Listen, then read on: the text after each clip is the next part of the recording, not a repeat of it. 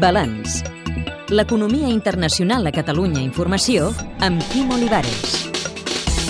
Acabem el repàs de la situació econòmica dels estats de la Unió Europea que han aconseguit la independència en les últimes dècades. Tanquem la sèrie amb Eslovàquia.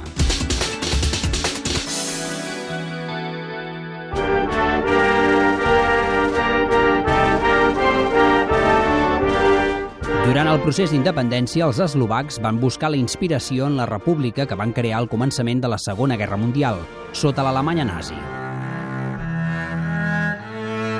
Hem parlat amb Raimund Mirdala, professor a la Facultat d'Economia de la Universitat de Košice. Hi havia uns principis forts de nacionalitat perquè ja havíem tingut una república eslovaca pròpia.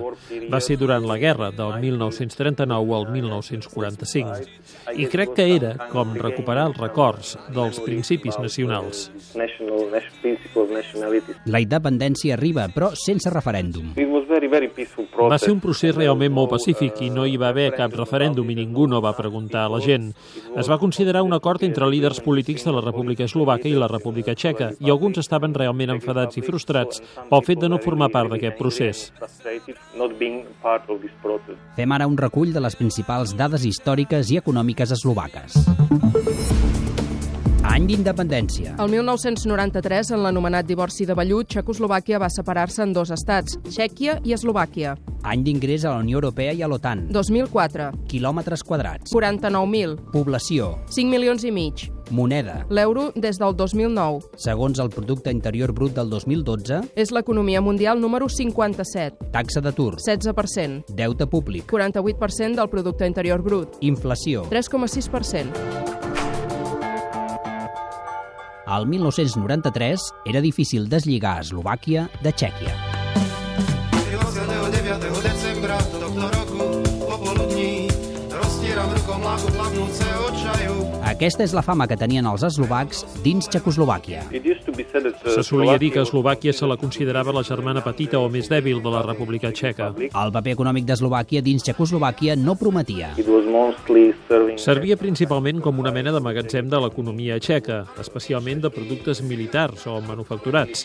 Es feia servir la nostra economia per només exportar al bloc de l'est i, per tant, calia canviar les estructures tan aviat com fos possible i, alhora, obrir la nostra economia a la competència estrangera.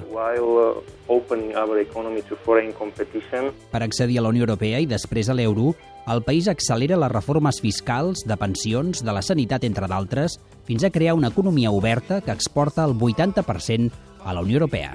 Aquestes inversions estrangeres estan assignades a la indústria de l'automòbil, per exemple Peugeot, Kia, la indústria elèctrica com ara Samsung, la indústria metal·lúrgica, inversions de l'acer nord-americà que junt amb la indústria farmacèutica són les que lideren la nostra economia.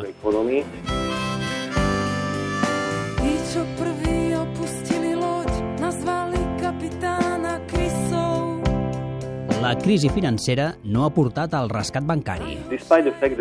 Malgrat el fet que la majoria de bancs eslovacs són propietat de grups financers estrangers, els nostres bancs en general tenen bona salut i, en conseqüència, no va caldre aplicar cap rescat.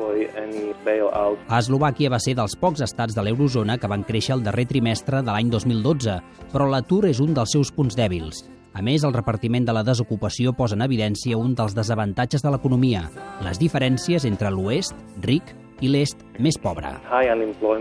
L'elevat atur prové en part de les grans disparitats regionals. Per exemple, les inversions estrangeres tendeixen a centrar el capital a la part oest del país i la part est és d'alguna manera la més afectada per la crisi.